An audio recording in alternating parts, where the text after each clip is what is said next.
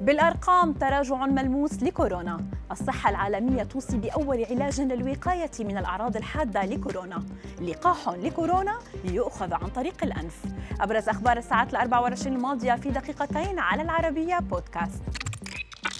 أوصت منظمة الصحة العالمية لأول مرة بتقديم مجموعة من الأدوية للوقاية من الأعراض الحادة لمرض كوفيد-19 لدى المرضى المعرضين للخطر جراء المرض.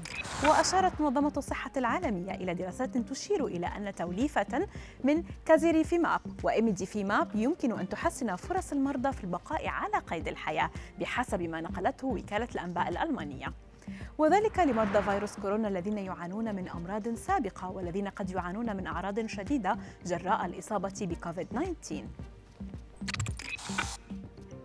كشفت منظمة الصحة العالمية في تقريرها الوبائي الأخير عن تراجع في عدد الإصابات العالمية بفيروس كورونا وذلك في المئة خلال الأسبوع الماضي وذلك للأسبوع الثاني على التوالي كما وتراجعت أيضا عدد الوفيات العالمية في المئة لنفس الفترة.